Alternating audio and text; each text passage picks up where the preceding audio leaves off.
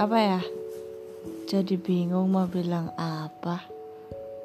Hmm, gak jadi deh hehe.